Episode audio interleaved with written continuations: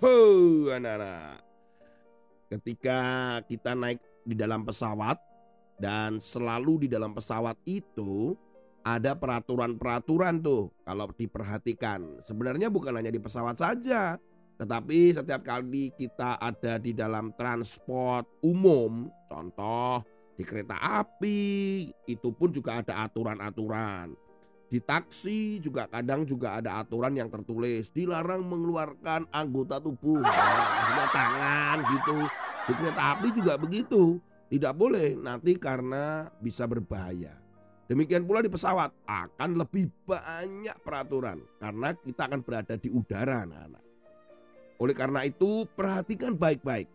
Ada sebuah kejadian bagaimana dua orang bersama satu anjingnya akhirnya ditahan selama satu hari tidak boleh keluar dari bandara. Dan tepatnya juga dikeluarkan dari pesawat. Sebenarnya apa yang dilakukan? Ternyata sepasang suami istri ini bernama Murdoch dan Greco ini akhirnya dikeluarkan dari pesawat gara-gara apa ayo gara-gara tidak mendengarkan apa yang diinstruksikan atau disampaikan kepada seluruh penumpang.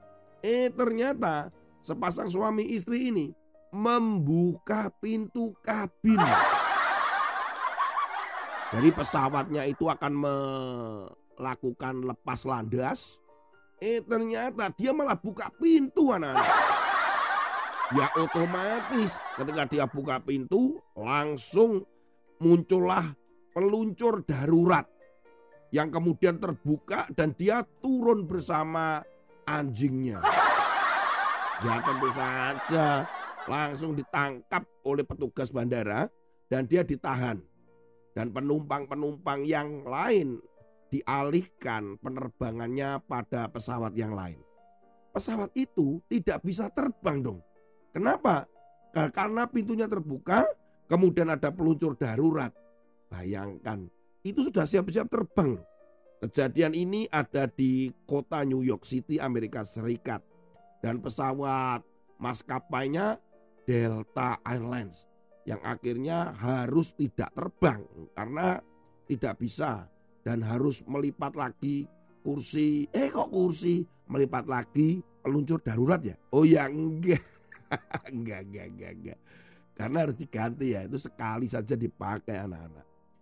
Dan menurut kesaksian para penumpang yang lain, sebenarnya Pak Murdok ini sudah kelihatan ketakutan, panik, pindah kursi sana, pindah kursi sini ketika ada di dalam pesawat sebelum lepas landas.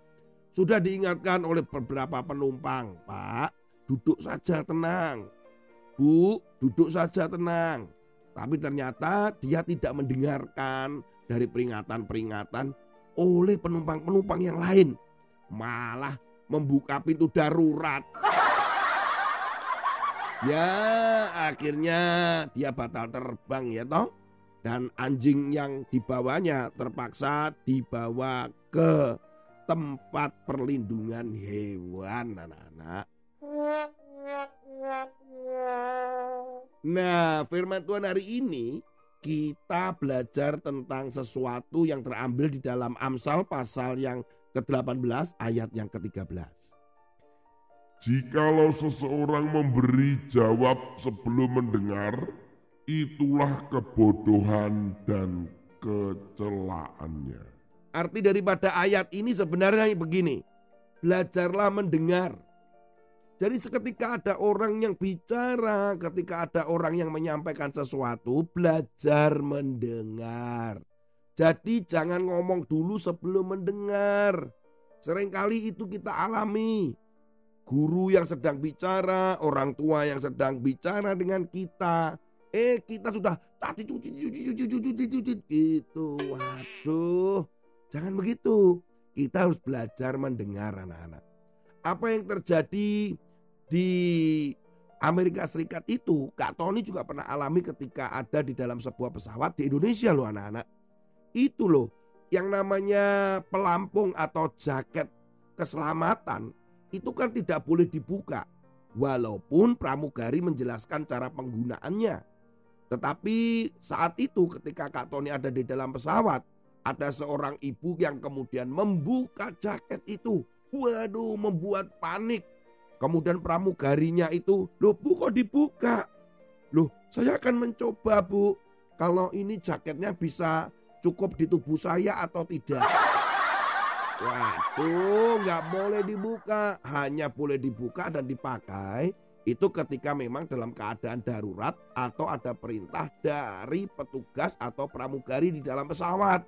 Tetapi ibu ini buka-buka seenaknya saja. Kan sudah diberitahu jangan dibuka, jangan dicoba-coba. Tapi ketika pramugari itu pergi, eh yang ibu yang ada di sebelahnya Kak Tony malah cemberut. Kok gitu aja kok, gak boleh dibuka. Kita akan coba-coba, nggak apa-apa. Ya kalau cukup, kalau enggak. Eh, Cukup apa enggak kan berarti pesawatnya jatuh dong. Waduh, gimana sih si ibu nih? ya, nah, karena tidak mendengar bisa jadi kacau. Karena tidak mendengar kita bisa salah. Karena tidak mendengar kita bisa juga menjadi bertengkar loh.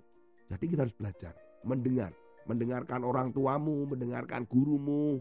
Firman Tuhan katakan bahwa di sini orang yang seperti itu yang tidak mendengar tapi langsung jawab itu dikatakan orang yang bodoh dan menunjukkan kebodohannya. Begitu.